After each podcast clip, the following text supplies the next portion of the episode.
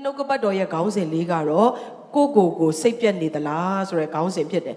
ဒီလရဲ့ team နဲ့တော့နည်းနည်းဆန့်ကျင်တယ်လို့ဖြစ်တယ်ဒီလကကျွန်တော်တို့ဖျားပေးတဲ့ခေါင်းစဉ်ကတော့ဝမ်းမြောက်ခြင်းနဲ့ညီသက်ခြင်းတက်ရောက်တော်လဖြစ်တယ်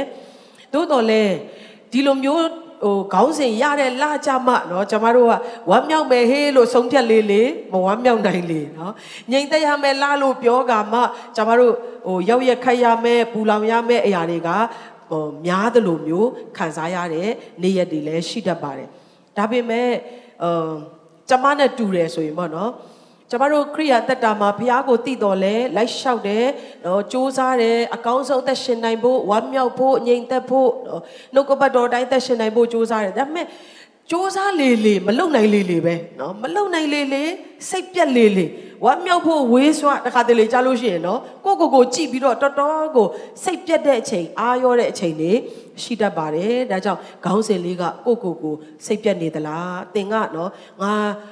ဒီဟာလုံမဲလို့စိတ်ကူးပေမဲ့မလုံနိုင်ဘူးဒီဟာဆွတ်လွတ်မဲလို့စဉ်းစားပေမဲ့မဆွတ်လွတ်နိုင်ဘူးဒီအကျင့်ကိုဖျောက်ဖျက်မဲလို့ငါစူးစမ်းတယ်မဖျောက်ဖျက်နိုင်ဘူးဒါဆိုရင်တော့သင်နဲ့ကျွန်ုပ်ခံယူရမယ်နှုတ်ကပတ်တော်ဖြစ်ပါတယ်ယောမအခန်းကြီး9အခန်းငယ်16ကနေကြည့်မယ်ဆိုရင်လည်းရှင်ဘောလူကလေ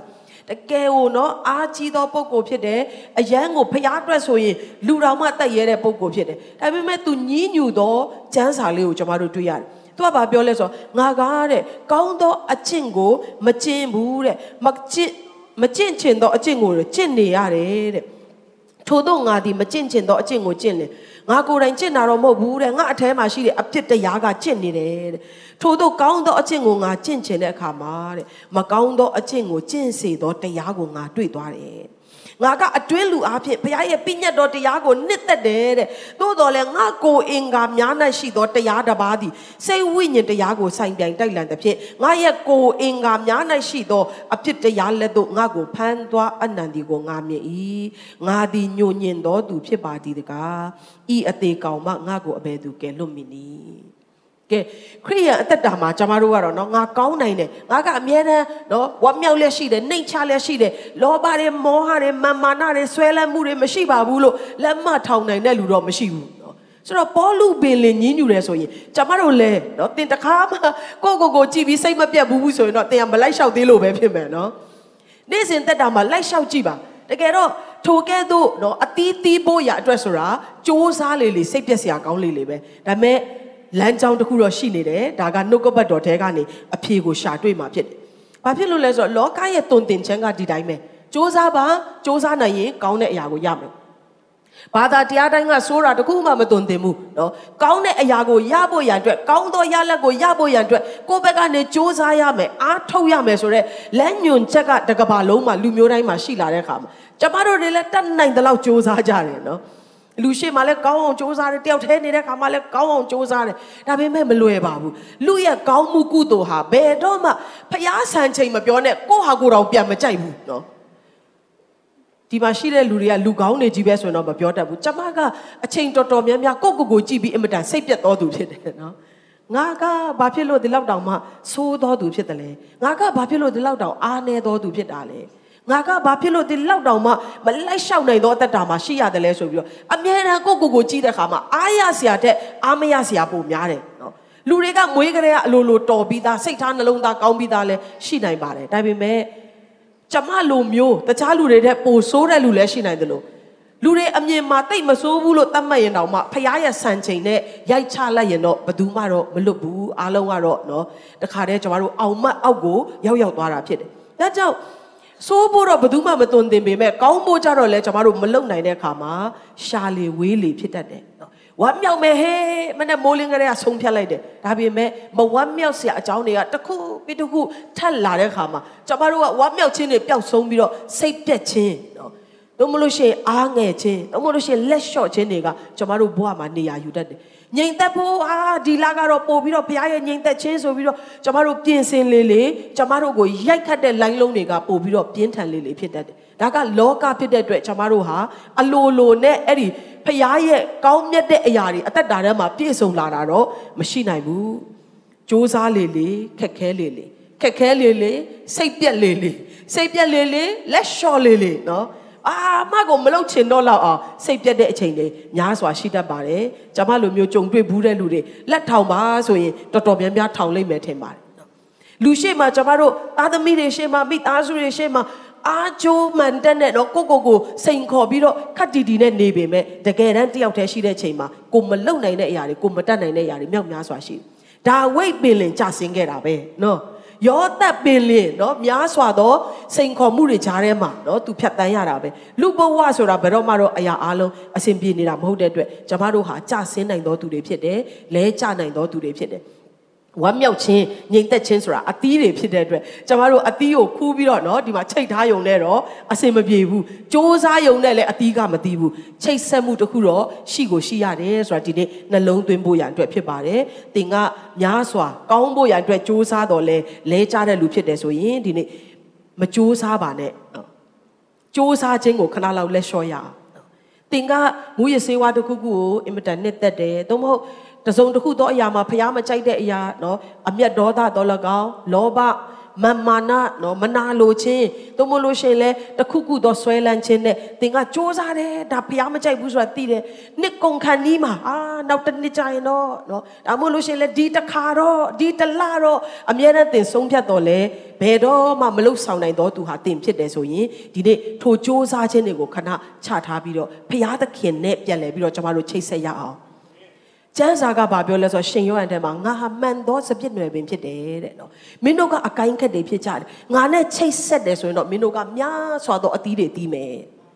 အသီးတီးဖို့ရန်အတွက်ကချိတ်ဆက်မှုကအရင်လာတာနော်စ조사မှုကအရင်မလာဘူးအကိုင်းခက်ကတော့သူတယောက်တည်းဘလောက်ပဲစ조사စ조사ကျမ်းစာကအပြတ်ဘလို့ပြောလဲဆိုတော့တင်တို့ဒီငါနဲ့ကွာလေအဘယ်အမှုကိုမှမတတ်နိုင်ဘူးတဲ့နော်နည်းနည်းလို့မပြောဘူးနော်ဘာမှမတတ်နိုင်ဘူးတဲ့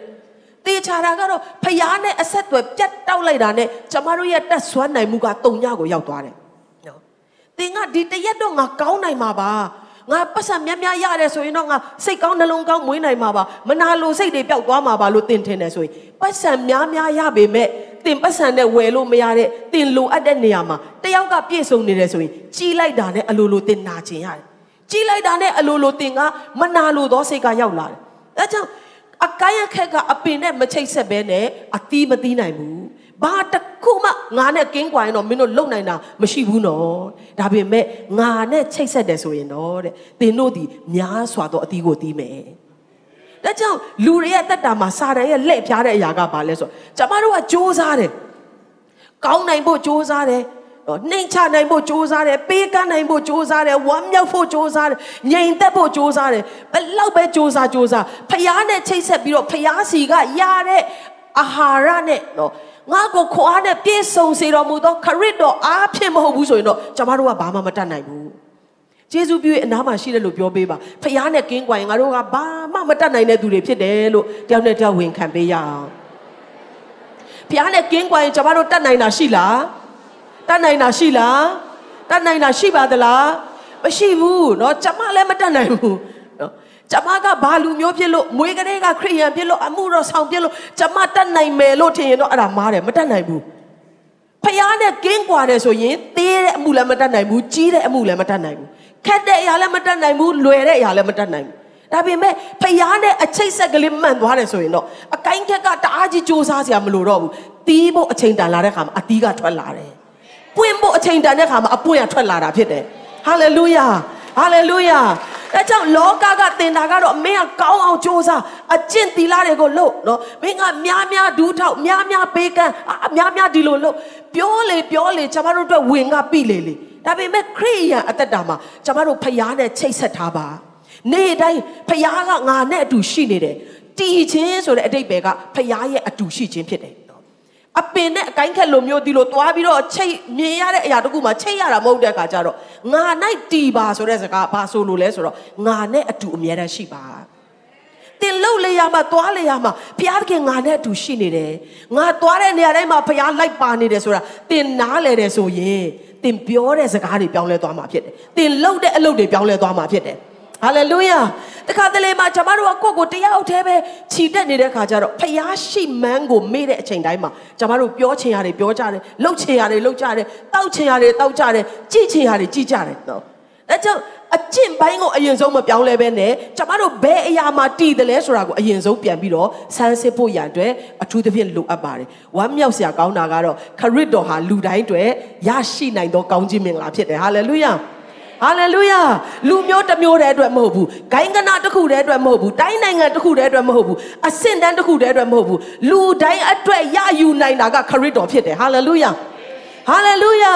ထိုခရစ်တော်နဲ့ချိတ်ဆက်မှုမှန်ကန်ပြီဆိုရင်လည်းသင်တဲ့ကျွန်ုပ်ရဲ့အသက်တာဟာများစွာသောအသီးကိုတီးသောအသက်တာဖြစ်မယ်။ဒါကြောင့်ကိုကိုကိုကြီးလိုက်တိုင်းမှာအားမရဘူး။တစ်နှစ်လာလဲငါကမပြောင်းလဲနိုင်ဘူး။နောက်တစ်နှစ်လာလဲငါကဒီတိုင်းပဲဆိုတော့ကျမတို့အဖွဲ့တွေဒီယနေ့ကျမတို့တည်သောနေရာကိုပြန်လဲပြီးတော့စမ်းစစ်ပြီးတော့ဝင်ခံနိုင်ဖို့အရောက်စီတိုင်းကိုဘုရားကောင်းချီးပေးပါစေ။ ကျမလူတယောက်ရဲ့အသက်တာကိုဒီနေ့လေ့လာခြင်းနဲ့ဒါကတော့ရှမာရိမှာရှိတဲ့အမျိုးသမီးတယောက်ရေတွင်းနားမှာရှိတဲ့အမျိုးသမီးတယောက်အကြောင်းဖြစ်တယ်အားလုံးလည်းယဉ်နိပြီးသားလို့တော့ထင်ပါတယ်ဒါပေမဲ့အနှဲငယ်ပြန်ပြီးတော့လေ့လာရအောင်ရှင်ယောအခန်းကြီး၄မှာအခန်းငယ်၃ကနေကြည့်ပါမယ် ယူဒပြည်မှထွက်သွား၍ဂါလိလဲပြည်သို့တဖန်ကြွတော်မူစဉ်တွင်ရှမာရိပြည်အလယ်၌ရှောက်သွားရ၏နော်ရှမာရိပြည်အလယ်၌လို့ပြောလိုက်တာ ਨੇ ကျွန်တော်တို့တကယ်တမ်းနားလဲတယ်ဆိုရင်ဒါကအင်မတန်အံ့ဩစရာကောင်းနေပြီနော်ယူဒလူမျိုးတွေကရှမာရိလူမျိုးတွေနဲ့သူတို့ကအဆက်ဆံမလုပ်ချင်ဘူးသူတို့ရဲ့မြို့ကိုလည်းဖျက်ပြီးတော့မသွားချင်ဘူးရှမာရိဆိုတာကပြားတွေဖြစ်တယ်အမျိုးမစစ်တွေဖြစ်တဲ့အတွက်သူတို့ကမထိတွေ့ချင်တော့မပတ်သက်ချင်တော့အဆက်ဆံမလုပ်ချင်တော့လူမျိုးဖြစ်တယ် ဆိုတော့ယူဒလူမျိုးတွေကသူတို့ကမြင့်မြတ်သောသူတွေဖြစ်တယ်သူတို့ကဖျားရဲ့လူမျိုးတော်တွေဖြစ်တယ်ရှမာရိဆိုတာကတော့တပားမျိုးသားတွေဖြစ်တယ်ကပြားတွေဖြစ်တဲ့အတွက်ငါတို့နဲ့မဆိုင်ဘူးထိမိရင်အာသူတို့မြေမှာရှောက်သွားရင်ငါတို့ကဖြတ်သွားယုံနဲ့တည်းငါတို့အတွက်မတန့်ရှင်းတော့ဘူးလို့သူတို့ကခံယူချက်တွေယုံကြည်ချက်တွေအမျိုးမျိုးရှိတဲ့အခါမှာ ဒီကိုဖြတ်သွားလိုက်ရင်ရှာမာရိပြည်ကိုဖြတ်သွားလိုက်ရင်တရက်နဲ့ရောက်မဲ့ခရီးကိုကွင်းပြီးတော့သူတို့၃ရက်ကြာရင်ကြာပါစေနော်ရှောင်ပြီးတော့သွားတယ်ဒါပေမဲ့တရက်မှာတော့ယေရှုကအဲ့ဒီရှာမာရိပြည်အလယ်မှာလမ်းလျှောက်လာတယ် ယာကုပ်သည်မိမိသားယောသတ်အားပေးသောမြေအကွက်နှင့်အနီးရှမာရိနယ်ရှုခအမိရှိသောမြို့သို့ရောက်တော်မူ၏ထိုအရ၌ယာကုပ်၏ရေတွင်ရှိ၏ယေရှုသည်ခရီးသွား၍ပင်ပန်းသောကြောင့်ရေတွင်နားမှထိုင်တော်မူ၏ယေရှုကလူဇာတိကိုခံယူသောဖျားဖြစ်တဲ့အခါမှာသူသည်အသွေးသားနဲ့ဖြစ်တဲ့အတွက်မောပန်းတတ်တယ်ခရီးသွား၍ပင်ပန်းတဲ့အတွက်ရေတွင်နားမှထိုင်တယ်ထိုအချိန်သည်6နာရီအချိန်ဖြစ်၏ရှမာရိမိန်းမတစ်ယောက်သည်ရေခတ်ချင်းကလာ၍ 6နာရီအချိန်ဆိုတာလူတွေရေမခတ်တော့အချိန်ဖြစ်တယ်နော်သူတို့ရဲ့呃ဒလိထုံးစံမှာလဲเนาะကျမတို့အညာတွေမှာနယ်တွေမှာလို့မျိုးပဲပေါ့နော်ဟိုတိတ်ပြီးတော့နေမပြင်းတဲ့အချိန်မျိုးမှာအဲဆောခတ်ဆောဆောမှာသူတို့ကအဖွဲလိုက်ရေခတ်ကြတယ်ဒါပေမဲ့ဒီအမျိုးသမီးကတော့6နာရီအချိန်မှာတဲ့เนาะသူတယောက်တည်းရေခတ်ဖို့ရန်အတွက်လာတယ်ဆိုလိုတာကသူဒီရေသွား ခတ်မခတ်ရင်အသက်မဆက်နိုင်တဲ့အတွက်ကြောင့်သာရေကိုလိုအပ်လုံးလို့သာသွားခတ်တာဖြစ်တယ်သူကလူတွေနဲ့ထိတွေ့ဖို့ရန်အတွက်လူတွေနဲ့မိတ်သားရဖွဲဖို့ရန်အတွက်မဖြစ်နိုင်သောအခြေအနေတစ်ခုမှသူရောက်နေတယ်လူတွေကိုရှောင်ရှားရတယ်လူတွေကိုကြွေကွင်းရတယ်လူတွေနဲ့သူကပျော်ပျော်ရွှင်ရွှင်ပေါင်းသင်းဆက်ဆံလို့ရသောအခြေအနေတစ်ခုမှသူမရှိဘူးဆိုတော့ तू အဲ့ဒီအချိန်မှာငါသွားရင်တော့ရေတွင်းသားမှာဘယ်သူမှမရှိတော့ဘူးငါတယောက်တည်းပဲရေကတ်မယ်မြန်မြန်ပြန်လာမယ်ဆိုတဲ့သဘောမျိုးရှိပါတယ် အခန်းငယ်ခုနှစ်မှာယေရှုကတဲ့အဲ့ဒီအမျိုးသမီးနဲ့တွေ့တဲ့အခါမှာငါတောက်ဖို့ရေပေးပါဟုထိုမိန်းမအားမိန်တော်မူ၏ကျမတို့ဒီတိုင်းကြည့်ရင်တော့ဘာမှမခက်ဘူးလေ။အော်ယေရှုကပင်ပန်းလို့ရေတောင်းတောက်တယ်။ဒါပေမဲ့တကယ်မှာယူဒလူမျိုးအမျိုးသားတယောက်ဒီရှမာရိပြည်ကနေအမျိုးသမီးတယောက်စီမှာစကားပြောပြီးဆက်ဆံဖို့ နော်ရေတောင်းတောက်ဖို့ဆိုတာဒီအင်မတန်ခက်ခဲသောလှုပ်ဆောင်မှုဖြစ်တယ်။သူတို့မှာအစည်းသားတွေများစွာရှိတယ်။သူတို့ကနီးစပ်သောသူတွေမဟုတ်ဘူး။သူတို့ကအလွယ်တကူပတ်သက်ပြီးတော့ဆက်ဆံပြီးတော့မိသားရဖွဲလို့ရတဲ့အနေအထားမှမရှိဘူး။သူတို့ရဲ့ culture ရသူတို့ရဲ့ယုံကြည်ချက်တွေရအစည်းသားတွေအများကြီးရှိတယ်။ဒါပေမဲ့ယေရှုကအင်မတန်ချစ်စရာကောင်းတယ်။အဲ့ဒီအမျိုးသမီးဘသူလဲဆိုတာကိုတည့်ရဲ့သားနဲ့စပြီးတော့ချင်းကပ်တော်ဖရားဖြစ်တယ်။ဟာလေလုယာ။ဟာလေလုယာ။ ယေရှုကသူ့ရဲ့အတွေးထဲမှာလူတယောက်ကဘလို့စဉ်းစားနေလဲဆိုတာတောင်နားလေတော့ဖရားဖြစ်ရဲ့နဲ့အဲ့ဒီအမျိုးသမီးချောင်း तू မသိလို့လားရေတအားငတ်လို့ तू က तू ရှာမတော့နိုင်လို့ဒီအမျိုးသမီးစီမှာနောက်ဆုံးကဲဘယ်မှမရဘူးဆိုတော့သူ့စီမှာပဲရနိုင်မယ်ငါသူ့စီကတောင်းမယ်ဆိုတော့ပုံစံမျိုးနဲ့ယေရှုကချင်းကပ်တာမဟုတ်ဘူး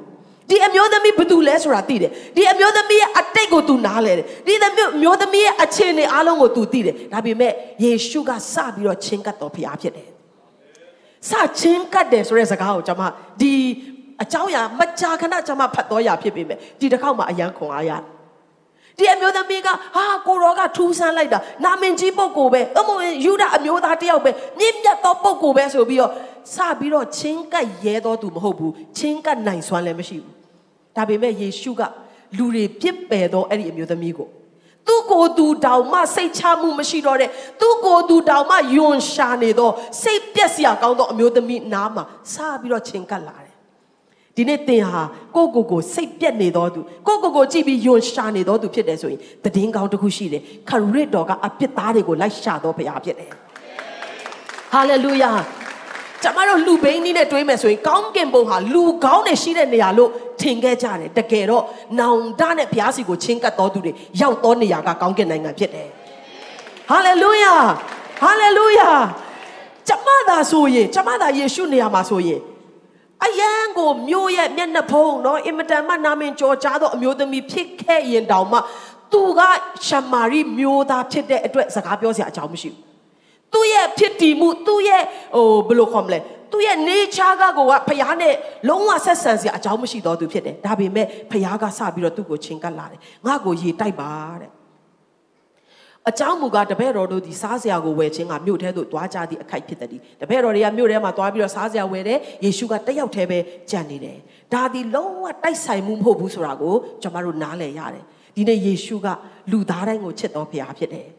အပြစ်သားတွေကိုလိုက်ရှာတော်ဖရားဖြစ်တယ်လိုက်ရှာပြီးတွေ့ပြီးနှုတ်ဆက်ယုံမဟုတ်ပဲနဲ့ကယ်တင်တော်ဖရားလည်းဖြစ်တယ်ဟာလေလုယာတပည့်တော်တွေမရှိဘူးသူတို့နှစ်ယောက်တည်းရှိတဲ့ချိန်မှာထိုမိန်းမကလည်းတင်ဒီယူရလူဖြစ်လက်ပြင်ရှမာရိမိန်းမဖြစ်သောအကျွန်ုပ်ကိုအဘယ်ကြောင့်တောက်ဖို့တောင်းတနည်းဟုဆို၏ဆိုသည့်အကြောင်းကယူဒလူတို့သည်ရှမာရိလူတို့နှင့်ပေါင်းဖော်ခြင်းမရှိသူ့ကိုစပြီးတော့စကားပြောတာနဲ့တည်းအဲ့ဒီမျိုးသမီးကအယံအံ့ဩသွားပြီ ဒီပုဂ္ဂိုလ်ဟာထူးခြားသောပုဂ္ဂိုလ်ဖြစ်တယ်ယူဒလူအမျိုးသားဖြစ်တဲ့ရှမာရိအမျိုးသမီးဖြစ်တဲ့ငါ့ကိုဘာကြောင့်စကားပြောတယ်လဲယေရှုကလည်းဖျားသခင်ဂျေဇုတော်ကို၎င်းငါတောက်ဖို့ရေပေးပါဟုဆိုတော်သူကအဘယ်သူဖြစ်သည်ကို၎င်းတင်သည်တိလျင်ထိုသူကိုတောင်းလိုက်မည်ထိုသူသည်လည်းအသက်ရေကိုပေးလိုက်မည်ဟုပြန်၍မိန့်တော်မူတော်ဒီမှာတိလျင်တိလျင်ဆိုတဲ့စကားကိုယေရှုကပြောတယ်နော် ဒီအမျိုးသမီးရဲ့အတိတ်ကိုနားလဲတယ်သူ့ရဲ့အခြေအနေကိုနားလဲတယ်ဒါပေမဲ့ယေရှုကအဲ့ဒီသူ့ရဲ့ရှိနေသောဘသူနဲ့မှတော့ဆက်ဆံလို့အခွင့်အရေးမရှိတော့တဲ့အဲ့ဒီအမျိုးသမီးကိုလွတ်ချင်းခွင့်ပေးခြင်းတဲ့အတွက်မင်းတီးရမယ့်အရာတချို့ရှိတယ်အဲ့ဒါတွေကိုတီးတယ်ဆိုရင်တော့မင်းကဒီနေ့လွတ်ချင်းခွင့်ကိုရမယ်ဆိုပြီးတော့ယေရှုကစပြီးတော့ချင်းကတ်တယ်သူတီးရမယ့်အဲ့ဒီအမျိုးသမီးလွတ်မြောက်သွားဖို့ရန်အတွက်တီးရမယ့်အရာကဘာလဲဆိုတော့နံပါတ်1ဖခင်ရဲ့ဂျေဇုတော်ဖြစ်တယ် နံပါတ်1ယေရှုကဘသူဖြစ်တယ်လဲသူ့ကိုလာပြီးတော့စကားပြောသောပုဂ္ဂိုလ်ဟာဘသူဖြစ်တယ်လဲဆိုတာတီးလိုက်တာနဲ့မင်းဟာချုံနှောင်ခြင်းထဲမှာမရှိတော့ဘူးလွတ်မြောက်သွားလိမ့်မယ်တဲ့ယေရှုကဟာလေလုယာဒီနေ့ကျွန်တော်တို့လွတ်မြောက်ဖို့ရန်အတွက်ကိုရောရဲ့ဂျေဇုတော်ကိုနားလည်သောတတ်တာဖြစ်ရအောင်ကျမတို့ရဲ့ဖခင်ဟာဘယ်လိုဖခင်ဖြစ်တယ်လဲဆိုတာကိုတကယ်တမ်းသင်သိလာပြီဆိုရင်တော့အဲ့ဒီသိချင်းကသင်ကိုလွတ်ချင်းခွင့်ကိုပေးမှာဖြစ်တယ်အဲ့ဒီမျိုးသမီးရဲ့တက်တာဟာ ဘယ်သူကမှပြောင်းလဲလို့မရတဲ့အတိတ်ဘယ်သူကမှသူ့ကိုလွတ်ချင်းပေးလို့မရတော့တဲ့ချုံနှောင်ခြင်းထဲမှာရှိတော်သူဖြစ်တယ်ဘလောက်စိတ်ပြက်စရာကောင်းလဲဆိုတာကျမတို့ဆက်ပြီးတော့ကြည့်ရအောင်နော်မိမကသခင်နဲ့ရေခတ်စရာမရှိရေတွင်းလက်နဲ့တည်ဖြစ်၍အသက်ရေကိုအဘယ်သို့ရပါမည်နည်း။ तू နားမလည်နိုင်ဘူး။ရေတွင်းဤရေတွင်းကိုငါတို့အဘယာကုတ်သည်ငါတို့အားပေး၏။သူကိုယ်တိုင်မှစ၍သားသမီးတရိษံများတို့သည်ဤရေတွင်းကိုတောက်ကြပြီးသခင်သည်ထိုသူထက်ကြီးမြတ်သလောဟုဆို၏။ तू မြင်နိုင်တဲ့အရာကလူရဲ့အတိုင်းတာထဲမှာပဲရှိတယ်။လူရဲ့အတိုင်းတာနဲ့မြင်တာဖြစ်တဲ့အတွက်အကန့်အသတ်ရှိတယ်ကိုရောအသက်ရေပေးမယ်လို့ကိုရောကသာနော်အကြီးကျယ်ကြီးပြောနေတာ။ရေတွင်းကလည်းနဲ့တယ်ကိုတော့မှလည်းရေခတ်စရာပုံးတောင်မှမပါဘူးခွက်ကလေးတောင်မှမပါဘူးဒါဆိုရင်ဒီရေတွင်းကိုပိုင်တဲ့ကျမတို့ရဲ့အဘထက်ယာကုတ်ထက်ကိုရောကတာ၍များကြီးမြတ်နေလို့လားလို့သူကပြန်ပြီးတော့မေးတယ် ဒီနေ့သင်လူရဲ့အတွေးခေါ်နဲ့ဖျားကိုတီးဖို့ဆိုတာကမဖြစ်နိုင်ဘူးအကန့်အသတ်ရှိတယ်နော်အဲကြောင့်ယေရှုကပြောတယ်ဖျားရဲ့ဂျေဇုတော်ကိုတီးပြီးတော့တဲ့သင်နဲ့စကားပြောတော့သူဟာဘသူဖြစ်တယ်လဲဆိုတာတီးတယ်ဆိုရင်တော့သင်ကလွတ်မြောက်မယ်အသက်ရည်ကိုရမယ်ဒါပေမဲ့ဒီအမျိုးသမီးကလောလောဆယ် तू နားမလည်နိုင်သေးဘူးဆိုတော့ तू မေးတဲ့မေးခွန်းကကိုရောကဘသူထက်ပိုပြီးတော့ကြီးမြတ်လို့အသက်ရည်ပေးမယ်လို့ပြောတာလေတဲ့ခန်းငယ်73မှာယေရှုကလည်းဤရေကိုတောက်တော်သူသည်နောက်တစ်ဖန်ရေငတ်အောင်မည် ငါပေးသောရေကိုတောက်တော်သူမူကားရေငတ်ခြင်းနဲ့အစင်မပြတ်กินလွတ်လိမ့်မည်ဟာလေလုယာယေရှုကကောင်းကောင်းနားလေတယ်မင်းနေ့တိုင်းနော်လူတွေကိုကြော်ဖြတ်ဖို့ခက်ခဲစွာရေတွင်းကိုလာဖို့ရန်အတွက်ဆိုးရွံ့စွာနေတိုင်းမင်းကြော်ဖြတ်ပြီးတော့လာခတ်ရတဲ့ရေကတော့တစ်ခါပြန်ငတ်လိုက်အောင်မယ်ငါပေးသောရေကိုမင်းရတယ်ဆိုရင်တော့ထာဝရကာလမင်းကရေငတ်ခြင်းနဲ့กินလို့မယ် ဒီအမျိုးသမီးအင်မတန်စိတ်ဝင်စားသွားတယ်နော် ငါပေးသောရည်သည်ထိုသူ၌ထာဝရအသက်ရှင်ခြင်းလို့ငါထွက်သောစမ်းရည်ဖြစ်လိမ့်မည်ဟုမိန့်တော်မူ၏အားလုံးပြောရအောင်ထာဝရအသက်ရှင်ခြင်းခဏတာအသက်ရှင်ဖို့ရအတွက်ရေကိုမဖြစ်မနေသူကလာခတ်ရတော့သူဖြစ်တယ်။ဒါပေမဲ့ယေရှုမိတ်ဆက်ပေးနေသောအရာကတော့ခဏတာအငတ်ပြေပဲရေမဟုတ်ပဲတဲ့။ထာဝရအသက်ရေဖြစ်တယ်။ ထာဝရအသက်ဆန်းရေကိုမင်းရလိုက်မယ်လို့ပြောတဲ့အခါမှာမိန်းမကလည်းသခင်အကျွန်ုပ်ဒီရေငတ်ခြင်းနဲ့၎င်းဒီကိုလာ၍ရေခတ်ခြင်းနဲ့၎င်းကင်းလွတ်မိအကြောင်းထိုရေကိုပေးပါဟုတောင်းလျင်ဒီအမျိုးသမီးနေ့တိုင်းရေခတ်လာရတာဒီသူ့အတွက်ဘလောက်ကြီးတဲ့ပြဿနာဖြစ်တယ်လဲဆိုတာနော်ဒီနေရာမှာမြင်ရတယ်လူတွေအတွက်အင်မတန်လွယ်ကူတော့လဲသူကဟာဒီကိုလာပြီးရေခတ်ဆရာမလို့တော့ဘူးဆိုတော့နီးလန်းရှိတယ်ဆိုရင်ကျမကိုပေးပါ တသက်လုံးထာဝရရေမငတ်တော့မဲ့အရာကိုတော့ပေးမယ်ဆိုရင်ကျမလိုချင်တယ်တဲ့ဒီနေ့ဖခင်ကတော့တတ်ဆွမ်းနိုင်တယ်ဒါပေမဲ့တင်တောင်းဖို့လိုအပ်တာဖြစ်တယ်ဟာလေလုယာကဲတင်ခြင်းကလူတိုင်းအတွက်ဖြစ်တယ်ဒါပေမဲ့တင်တောင်းတတ်ဖို့ဖခင်ကစောင့်နေတာဖြစ်တယ်ကိုတော့ကျမလိုအပ်တယ်ကျမကိုပေးပါလို့သူကစပြီးတော့ချင်းကပ်လာတယ်ထာဝရသက်ဆန်းရည်ဆိုတာဘာလဲဆိုတာ तू တေချာပေါက်တရားရခိုင်တော့နားမလဲသေးဘူးဒါပေမဲ့ तू စပြီးတော့လိုချင်လာတယ်စပြီးတော့ကိုရော့စီကို तू သူ့ဘက်ကနေစပြီးတော့တကားဖွင့်လာတယ်ကိုတော့ဒါဆိုရင်တသက်လုံးရေမငတ်တော့ဘူးဒီကိုလည်းလာစရာမလိုတော့ဘူးဆိုရင်အဲ့ဒီအရေကိုကျမလိုချင်တယ်တဲ့ကျမကိုပေးပါကဲတင်ခြင်းဟာလူတိုင်းအတွက်ဖြစ်တယ်ယေရှုလက်ဝါးကားတိုင်းပေါ်မှာအသေးခံခြင်းဟာတင့်အတွက်လည်းဖြစ်တယ်ကျမအတွက်လည်းဖြစ်တယ်စင်ရသားအတွက်လည်းပါတယ်ပညာရှိတွေအတွက်လည်းပါတယ်လူတိုင်းအတွက်ဖြစ်တယ်ဒါပေမဲ့ကျမတို့ဘက်ကနေကိုတော့ကျမလိုအပ်တယ်လို့ပြောတတ်ဖို့ရန်အတွက်လိုအပ်တာဖြစ်တယ်ဟာလေလုယာဟာလေလုယာဟာလေလုယာ သင်ဘက်ကနေစပြီးတော့လိုချင်တတ်ဖို့ရအတွက်ဘုရားခင်ကဒီအမျိုးသမီးကိုလည်းစပြီးတော့သွေးဆောင်နေတယ်နော်စပြီးတော့သူချင်းကတ်တယ်ဆိုတော့ထာဝရနဲ့ဆိုင်သောရေကိုပေးနိုင်တာကတော့ထာဝရဘုရားတပါးတည်းပဲရှိတယ်ဘယ်သူကမှမပေးနိုင်ဘူးလောကကပေးသောရေကတင့်ကိုခဏခဏပြန်ပြီးတော့ငတ်စေမှာဖြစ်တယ်လောကကပေးသောအောင်မြင်ခြင်းတွေလောကကပေးတဲ့ကြော်ချားခြင်းတွေငွေချေးတွေလောကကပေးတဲ့လှပခြင်းတွေက တောက်လိုက်ရင်ပြန်ပြန်ငတ်တယ်တောက်လိုက်ရင်ပြန်ပြန်ငတ်တယ်ဒါမဲ့ဖျားပေးတဲ့ထာဝရအသက်ဆန်းရေကတော့ကျမတို့ထာဝရကာလထိဘယ်တော့မှပြန်မငတ်တော့မဲ့အသက်ဆန်းရေဖြစ်တယ်ဟာလေလုယာအဲ့ဒီအသက်ဆန်းရေဟာတင့်အတွက်လည်းဒီနေ့အစဉ်သင်ရှိနေတာဖြစ်တယ်ဒါနဲ့မိမကကိုတော့ကျမကိုပေးပါလို့သူ့ဘက်ကနေစပြီးတော့တောင်းလာတဲ့ခါမှာယေရှုကချက်ချင်းနော်အာယောထာဝရတဲ့ယေရှုဒါပဲလို့မပြောဘဲနဲ့ ယေရှုကသွားလို့သင်ဤလင်ကိုခေါ်၍ဒီကိုလာအောင်လို့ဟုမိန့်တော်မူ၏နေ့ယောက်ျားပါမှအဲ့ဒီရေရမယ်ဆိုတော့ဒီအမျိုးသမီးတွေကတော်တော်အခက်တွေ့သွားတယ်သူ့ရဲ့အရှိုက်ကိုထိုးလိုက်တယ်လို့ပဲသူ့ရဲ့အားနည်းဆုံး तू စိတ်အပြတ်ဆုံး तू ပြန်အောင်မှမစင်းစားချင်တဲ့သူ့ကိုလူတော့မတိုးစေတဲ့သူ့ကိုလူရဲ့အဝင်းဝိုင်းတဲကနေဆွဲထုတ်တဲ့သူ့ရဲ့အားနည်းချက်အပြင်းထန်ဆုံးကိုယေရှုကဆွဲထုတ်ပစ်လိုက်တယ်ဒီနေ့ဖျားပေးတဲ့ထာဝရအသက်ကိုလိုချင်တယ်ဆိုရင်တော့ တင့်မှာအပြစ်ရှိတယ်အားနည်းချက်ရှိတယ်ဆိုတာအရင်ဆုံးကိုယ့်ကိုယ်ကိုလက်ခံဖို့လိုအပ်တယ်ဟာလေလုယာဒီအမျိုးသမီးကနော်ဒီအကြောင်းကိုဘယ်သူပဲပြောပြောသူကြားချင်မှာမဟုတ်ဘူးသူ့ရဲ့အတိတ်ကိုသူကမေ့ထားလို့ရရင်မေ့ထားခြင်းအဲ့ဒီစာမျက်နှာကိုဆွဲဆုပ်ပြီးလွတ်ပြစ်လို့ရရင်သူလွတ်ပြစ်ခြင်းပါသူအကြောင်းသူအသိဆုံးပဲသူဘလောက်စိတ်ပြက်စရာကောင်းတဲ့ဘဝမှာရှိလဲဆိုတာသူကလွဲလို့ပိုသိနိုင်တဲ့လူလောကမှာရှိမှာမဟုတ်ဒါပေမဲ့ယေရှုက ဟုတ်ပြီမင်းအဲ့ဒီဘယ်တော့မှပြန်မငတ်မဲ့ဒီကိုပြန်လာစရာမလိုတော့တဲ့ထာဝရအသက်ရေကိုလိုချင်တယ်မှန်ရင်မင်းယောက်ျားကိုသွားခေါ်လာခဲ့ဆိုတော့ဒီအမျိုးသမီးကအကြိုက်ရိုက်ပြီသူ့မှာခေါ်လာစရာယောက်ျားလည်းမရှိဘူးသူ့ရဲ့ဘဝအတွက်အစင်မပြေဆုံးကဏ္ဍဖြစ်တယ်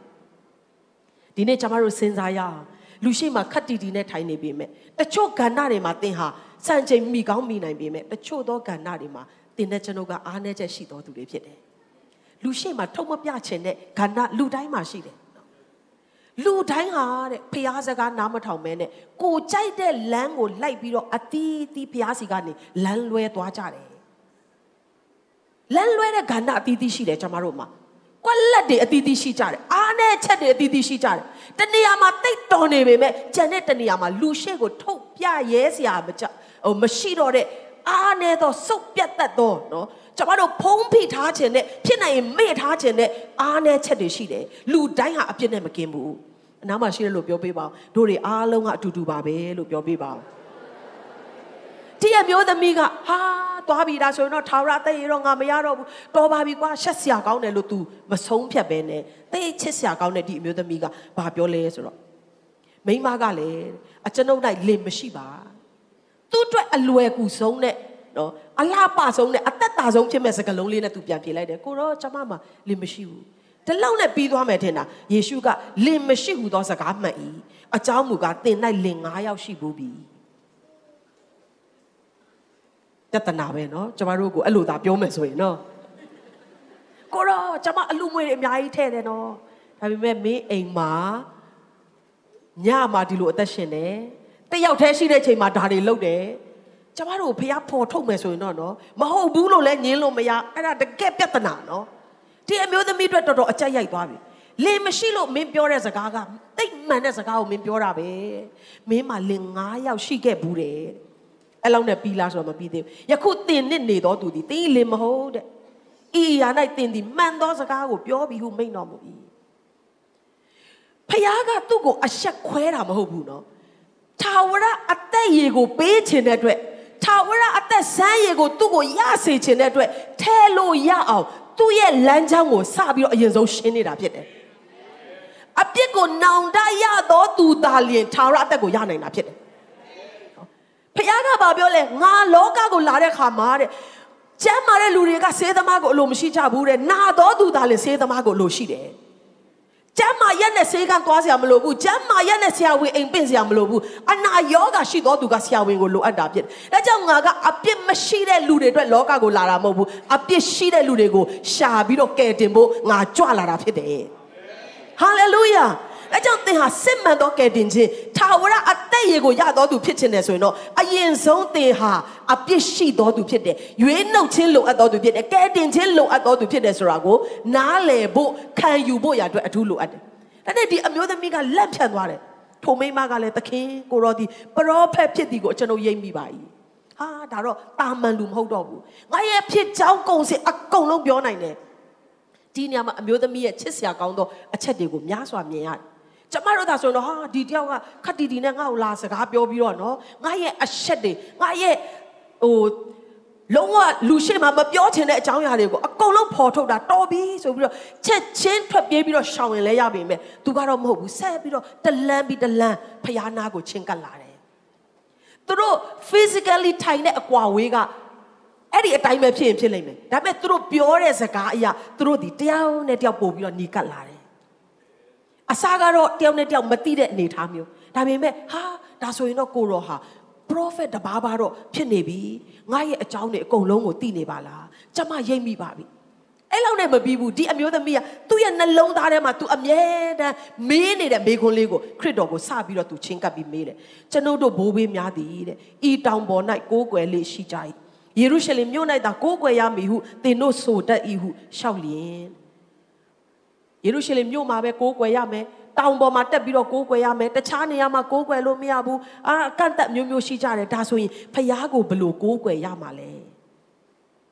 ကျမ်းစာထဲမှာအသေးစိတ်မဖော်ပြထားတော့လေဒီအမျိုးသမီးဒီရေခတ်ဖို့တောင်လူတွေမရှိတဲ့ချိန်မှာခတ်တာဖြစ်တဲ့အတွက် तू ဘလောက်ပဲဖျားကိုကိုးကွယ်ခြင်းပေမဲ့ကိုးကွယ်ခွင့်မရတော့သူတယောက်ဖြစ်နိုင်တယ်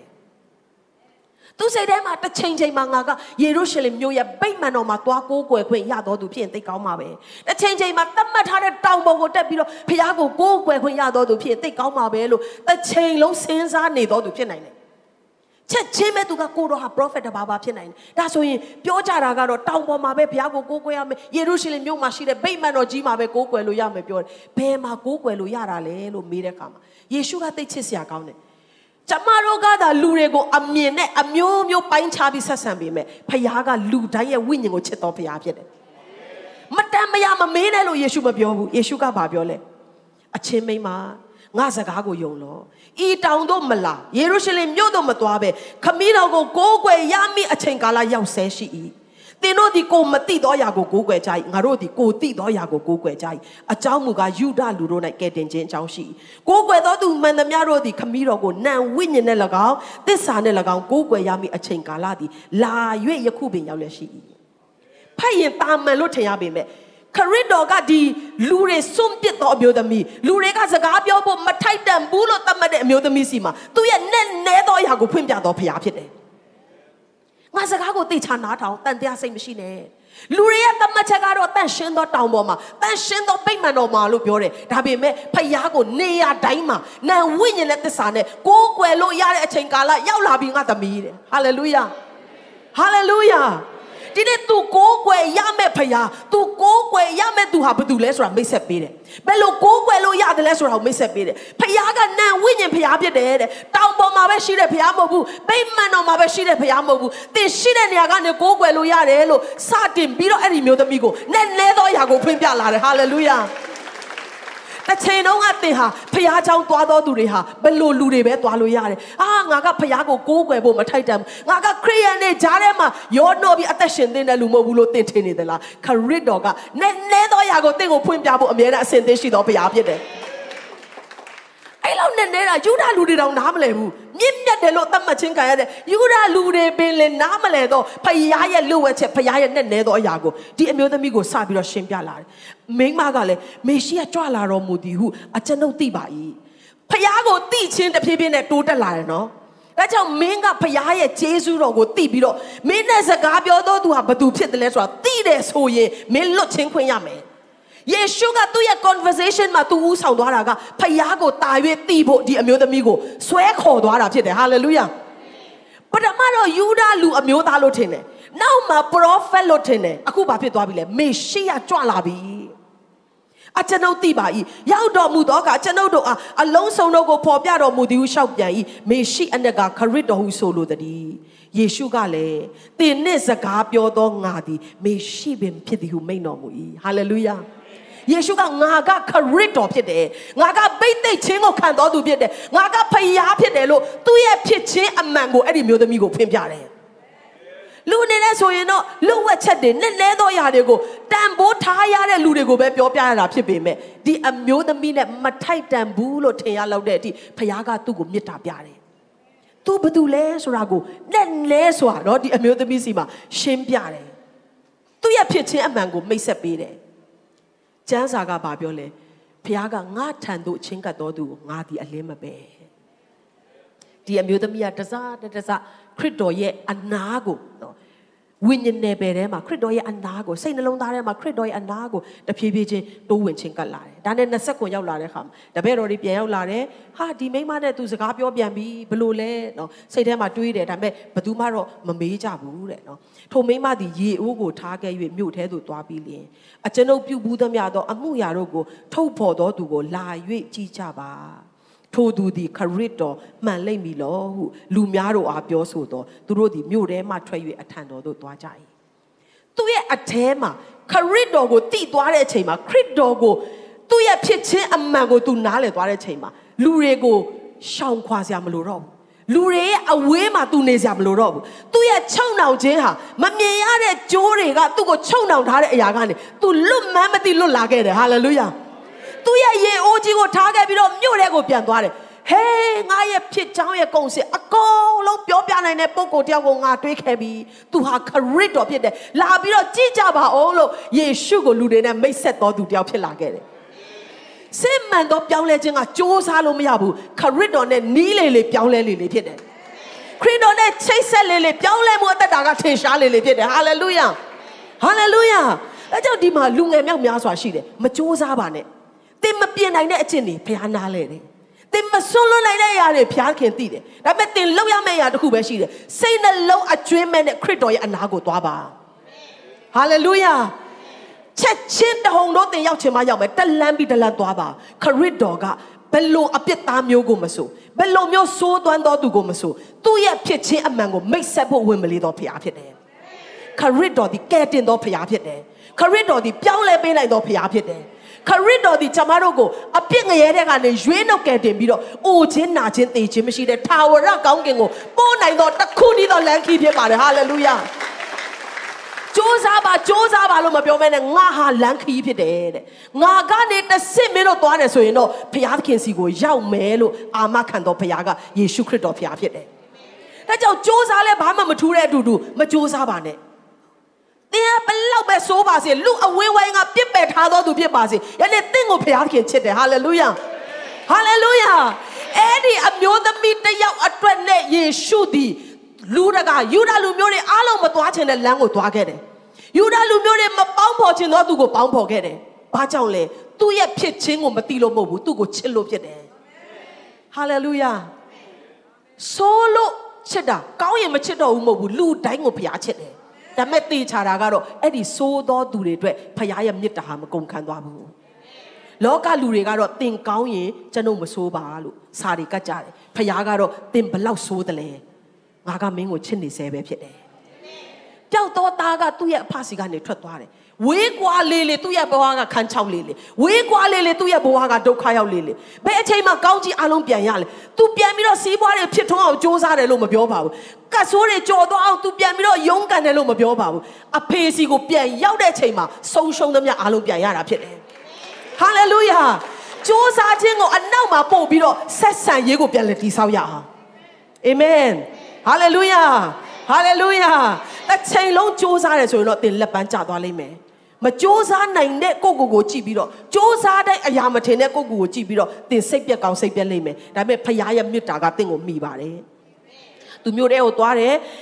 အခန်းငယ်35ရောက်လာတဲ့ခါမှာယခုမှစား၍လေးလလွန်လင်စပားရိပ်ရာကာလဖြစ်လိမ့်မည်ဟုသင်တို့ဆိုတတ်သည်မဟုတ်လောယေရှုကငါဆိုသည်ကစပားရိပ်ချင်းအလို့ငါလဲပြင်းတို့သည်ယခုဝင်းဝင်းရှိသည်ကိုမျှော်၍ကြည့်ကြလောသူတပည့်တော်တွေကိုပြောတယ်စပားရိပ်တော်သူသည်အခကိုခံရ၍ထာဝရအသက်ရှင်ခြင်းလို့ငါအသီးနှံကိုစုသိမ်းကြ၏တို့ဖြစ်လျင်ပြိုးကျဲသောသူနှင့်စပားရိပ်သောသူတို့သည်အတူဝမ်းမြောက်ကြလိမ့်မည်ဟာလေလုယာ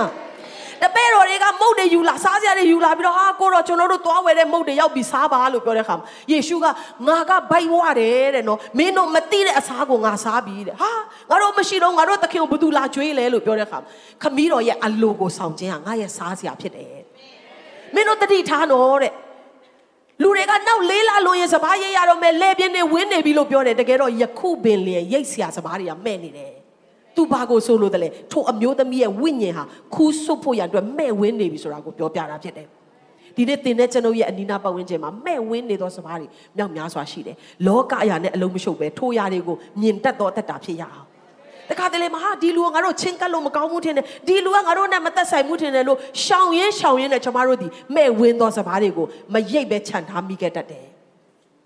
သင်နဲ့ကျွန်ုပ်အသက်တာမှာအသစ်တပံထိုရာကစကားပြောဖို့ရန်အတွက်ရောက်စီတိုင်းအတွက်ကျွန်မဆုတောင်းပေးပါတယ်။ထိုကဲ့သို့သင်ကရိတ်တတ်တယ်ဆိုရင်တဲ့စပားရိတ်တော်သူသည်အခကိုခံရ၍ထာဝရအသက်ရှင်ခြင်းလို့ငါအသီးနှံကိုဆုသိမ်း။တို့ဖြစ်လျင်ပြိုးကျဲသောသူနဲ့စပားရိတ်တော်သူတို့သည်အတူဝမ်းမြောက်ကြလိမ့်မည်။ဟာလေလုယာ။ရိတ်သိမ်းရတဲ့အခါမှာတော့ရိတ်သိမ်းခြင်းမှာပါဝင်တော်သူလည်းဝမ်းမြောက်တယ်။ကျဲခဲ့တဲ့လူတွေလည်းဝမ်းမြောက်စရာဖြစ်တယ်။ စစ်မှန်သောဝမ်းမြောက်ခြင်းကအပြစ်သားတယောက်နောင်တရလာတဲ့ခါမှာအဲ့ဒါကကြီးမားသောဝမ်းမြောက်ခြင်းဖြစ်တယ်။ကားတစီရလို့ရွှေတပိတ်တာရလို့ဝမ်းမြောက်မယ်မထင်နဲ့အဲ့ဒီဝမ်းမြောက်ခြင်းကတရက်တောင်မခံပဲဖြစ်တတ်တယ်။ဒါပေမဲ့ထာဝရအသက်ကိုရသောသူတယောက်ရဲ့အသက်တာကတော့လောကရောကောင်းကောင်းကင်ရောဝမ်းမြောက်တာဖြစ်တယ်။ဟာလေလုယာ။ဒါနဲ့ အခန်းငယ်39မှာရှာမာရိအမျိုးသမီးကတဲ့အကျုပ်ကျွန်ုပ်ပြုတ်ဘူးသမျှသောအရာတို့ကိုသူသည်ထုတ်ဖော်ပြီးဟုတက်သေးခံသောစကားကြောင့်ထိုမျိုး၌နေသောရှာမာရိလူအများတို့သည်ယေရှုကိုယုံကြည်ကြ၏ကိုယ်တိုင်ခရစ်တော်နဲ့ချိတ်ဆက်သောသူကလေတက်သေးရတယ်အဲ့ဒီတက်သေးကလူတွေရဲ့အသက်တာမှာထိရောက်မှုရှိတယ်ဟာလေလုယာဒီနေ့နောက်ဆုံးသောကာလမှာခရစ်တော်ကိုတကယ်ရတဲ့သင်ရဲ့အသက်တာမှာတက်သေးရှိဖို့ရအတွက်ဖျားခင်လိုတော်ရှိတယ် ဒီအမျိုးသမီးကတင်တန်းလည်းမတက်ပါဘူးဒီအမျိုးသမီးကချမ်းစာကြောင်းစင်းလည်းမဟုတ်ပါဘူးဒီအမျိုးသမီးကတရားဟောဆရာမလည်းမဟုတ်ပါဘူးဒါပေမဲ့ကိုယ်တိုင်ခရစ်တော်နဲ့ထိတွေ့သွားတဲ့ချိန်မှာတော့သူ့မှာတက်သေးရှိလာတဲ့အတွက်သူ့ရဲ့တက်သေးခံချက်စကားကြောင့်အဲ့ဒီမြို့မှာရှိသောရှမာရိလူတွေအားလုံးပြောင်းလဲသွားတယ်တဲ့ဟာလေလုယာ ထို့ကြောင့်ရှမာရိလူတို့ဒီအထံတော်သို့ရောက်လေမိမိတို့အရ၌နေတော်မူမိအကြောင်းတောင်းပန်တဲ့အခါမှာနှစ်ရက်ထပ်နေတယ်တဲ့အခြားသောသူများတို့ဒီနှုတ်ကပတ်တော်စကားကြောင့်ယုံကြည်၍တဲ့ထိုမိမအားယခုဖြစ်လင်ငါတို့ဒီတင်းဤစကားကြောင့်သာယုံကြည်သည်မဟုတ်စကားတော်ကိုကိုယ်တိုင်ကြားနာရ၍ဤသူသည်လောကီသားတို့ကိုကယ်တင်တော်မူသောသခင်တည်းဟုသောခရစ်တော်အမှန်စင်စစ်ဖြစ်တော်မူကြောင်းကိုသိသည်ဟုဆိုကြ၏ဘလောက်ဝမ်းသာစရာကောင်းလဲနော် လူတွေရှောင်ဖယ်တော့ဒီအမျိုးသမီးတယောက်နဲ့တွေ့ဖို့ယေရှုလာတာဟာစိတ်ပြက်စရာအဖြစ်ကိုမထွက်စေခဲ့ဘူးလူတယောက်စစ်မှန်စွာပြောင်းလဲသွားတဲ့ချိန်မှာလူတယောက်ခရစ်တော်ကိုတကယ်ရသွားတဲ့ချိန်မှာဘယ်လောက်ထိပြောင်းလဲလဲဆိုတော့တစ်မျိုးလုံးပြောင်းလဲသွားတယ်မြို့သားတွေကဘာပြောလဲအမျိုးသမီးအရင်တော့ကတော့မင်းကပြောပြောနေလို့ဒီဒီယေရှုကိုငါတို့က လာပြီးတော့စမ်းတက်တာလာပြီးတော့နားထောင်တာအခုတော့သူ့စကားကိုငါတို့ကိုယ်တိုင်ကြားတဲ့အခါမှာတဲ့ဒီလူဟာကဲတင်တော်အရှင်ခရစ်တော်အစစ်ဖြစ်တယ်ဆိုတော့ငါတို့ယုံကြည်သွားပြီတဲ့ဟာလေလုယာဟာလေလုယာသင်ဟာအသက်ရည်စီးထွက်ရာစမ်းရည်တွင်းနေဖြစ်ဖို့ဖျားရှင်ကောင်းကြီးပေးပါစေယေရှုကငါပေးသောရေကိုတောက်တော်သူဟာဘယ်တော့မှမငတ်တော့ဘူးထာဝရအသက်ဆန်းရေကိုရပြီးတော့တဲ့အသက်ဆန်းရေတွင်းလည်းဖြစ်မယ်တဲ့ဟာလေလုယာ ခရစ်တော်ကိုရတော်သူကကိုယ်တိုင်ငရဲကနေလွတ်ယုံတာမကလူမြောက်များစွာငရဲကနေလွတ်ဖို့ရန်အတွက်အရင်မြစ်တွေဖြစ်ဖို့ဘုရားကအသုံးပြုချင်တာဖြစ်တယ်။နားမှာရှေ့လို့ပြောပါအောင်ငါတို့ကဆန်းရည်တွင်းတွေဖြစ်ကြတယ်လို့ပြောပေးပါအောင်။နောက်ဆုံးဖတ်ခြင်းတဲ့နှုတ်ကပတ်တော်ကဟေရှာယခန်းကြီး55အခန်းငယ်9 သိုးသောသူသည်မိမိလမ်းကို၎င်းမတရားသောသူသည်မိမိအကြံစီကို၎င်းဆုံးပြေ၍ထာဝရဘုရားထံသို့ပြောင်းလဲပါစေ။သို့ပြုလျင်တနာတော်မူလိမ့်မည်။ငါတို့ဘုရားခင်ထံတော်သို့ပြောင်းလဲပါစေ။သို့ပြုလျင်အထူးသဖြင့်အပြစ်လွတ်တော်မူမည် ကျမတို့လုပ်ရမယ့်အလုပ်ကပါလေစိုးသောသူဖြစ်တယ်ဆိုရင်မိမိလမ်းကိုထားခဲ့ပြီးတော့ဖျားစီကိုချင်းကပ်ရမယ်မတရားသောသူဖြစ်တယ်ဆိုရင်ကျမတို့ရဲ့မကောင်းတဲ့အကြံစီတွေကိုထားခဲ့ပြီးတော့ဖျားသခင်စီကိုချင်းကပ်တော်သူဖြစ်ရမယ်ဒါဆိုရင်အပြစ်လွတ်ခြင်းယေရှုကိုခံရမယ်အခန်းငယ်7နှစ်မှာသင်တို့သည်ဝမ်းမြောက်သောစိတ်နှင့်ထွက်၍ချမ်းသာစွာပို့ဆောင်ခြင်းကိုခံရကြလိမ့်မည်ဟာလေလုယာ ဆုံးပြဆရာရှိတာထားခဲ့ဆရာရှိတာတွေကိုထားခဲ့ပြီးခရစ်တော်ကိုရွေးချယ်ပြီးတော့ဖျားစီကိုချင်းကပ်တော်သူတိုင်းကဝမ်းမြောက်ခြင်းနဲ့ညင်သက်ခြင်းနဲ့အသက်ရှင်ရမယ် you will live in joy and peace now hallelujah ဟာလေလုယာဖခင်နာကိုချင်းကပ်လေလေသင်ကဝမ်းမြောက်ခြင်းနဲ့ငြိမ်သက်ခြင်းနဲ့အသက်ရှင်ရတဲ့အခွင့်ရလေလေဖြစ်တယ်တောင်ကြီးတောင်ငယ်တို့သည်သင်ရှေ့မှာတခြင်းဆိုတန်နှင့်ကြွေးကြော်၍တော၌ရှိသမျှသောအပင်တို့သည်လက်ခုပ်တီးကြလိမ့်မည်အမျိုးမျိုးသောစူးပင်ရာ၌ချီရှူးပင်နှင့်မူရတုပင်တို့သည်ပေါက်ကြလိမ့်မည်ထိုအမှုသည်သာရဘုရားရှေ့တော်၌အောက်မေ့ရဖို့မပြောက်မပြတ်ရသောသာရသက်သေဖြစ်ရလိမ့်မည်လူဆိုးတယောက်